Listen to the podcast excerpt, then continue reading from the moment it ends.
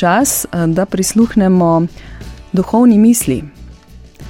Na božično jutro vas vabimo, da prisluhnete magistru Alojzu Cviklu, metropolitu in mariborskemu načkofu, ki bo spregovoril o velikem pomenu današnjega praznika. Vabimo pa vas tudi, da ob desetih do povdne na prvem in na programu Ars poslušate prenos evangeličanskega bogoslužja iz Ljubljane.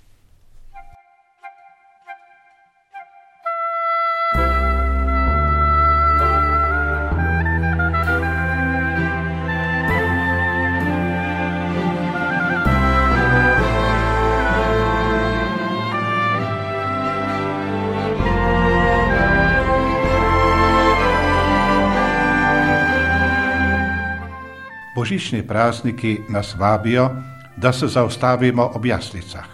Pogled na ozelenele pašnike, pastirje in hlevček, v katerem najdemo sveto družino, nas napolni z veseljem, da se Jezus ni odločil za rojstvo v udobni sobi, ampak v skromnih hlevskih jaslih. Božji sin stopa v svet teme in kaosa kot luč, ki razsvetli še najbolj temno noč. Človek se je od davnine bal teme in hrepenel po luči. Včasih imamo občutek, da je naše življenje zaznamovano s temo in to nas napolnjuje strahom. Samo pomislimo, da nedaleč od nas diva vojna. Mediji dnevno poročajo o škandalih. Svetovne vele sile se močno oborožujejo. Vse to daje vtis, da smo sredi noči. V tej noči človeštva odmeva veselo oznadilo, ki prebija temo. Lud sveti v temi, a tema je ni sprejela. Beseda je postala meso in se naselila med nami. Evangelist Janez zapiše, da luč, ki je svetila, ni bila sprijeta. Cerkveni očetje, ko so komentirali te Janezove besede, so zapisali, da je luč tako močno zasvetila, da je bila za temo pogubna.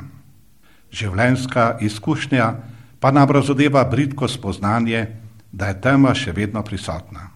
Morda pa gledamo na robe. Morda se preveč ostavljamo v temi okoli jame, pozabljamo pa na tisti nov začetek, novo nebo in novo zemljo, ki sta se začela v jami, pod zemljo, z Jezusom, ki se zasveti kot luč, v katerem ni nobene teme. V jami pod zemljo večna beseda postane človek, postane odnos. Novorojeni Jezus, Bog med nami, nas z iztegnjenimi ročicami prosi, da ga stisnemo k sebi. Samo Jezus lahko osmisli naše življenje, spostavi red in ga osvetli. Božično oznanilo je zato oznanilo spodbude in novega upanja. Novorojen je luč, ki ne sodi, ampak nas vodi na pot novega življenja. To novo življenje je napolnjeno z ljubeznijo, ki mora biti bolj v dejanjih kot v besedah. Ljubezen je vedno konkretna.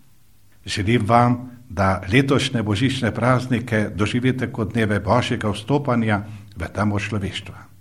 Naj vas veselo oznanilo, da se je Bog naselil med nami v podobi neobogljenega otroka, napolnjen z veseljem in hvaležnostjo, da je nov začetek, ki je osmislil vsak korak naše življenjske poti možen. Naj bo novo leto 23, leto miru, medsebojnega spoštovanja, iskanja tega, kar nas povezuje, da boste iz našega življenja vzevali ljubezen in dobrota.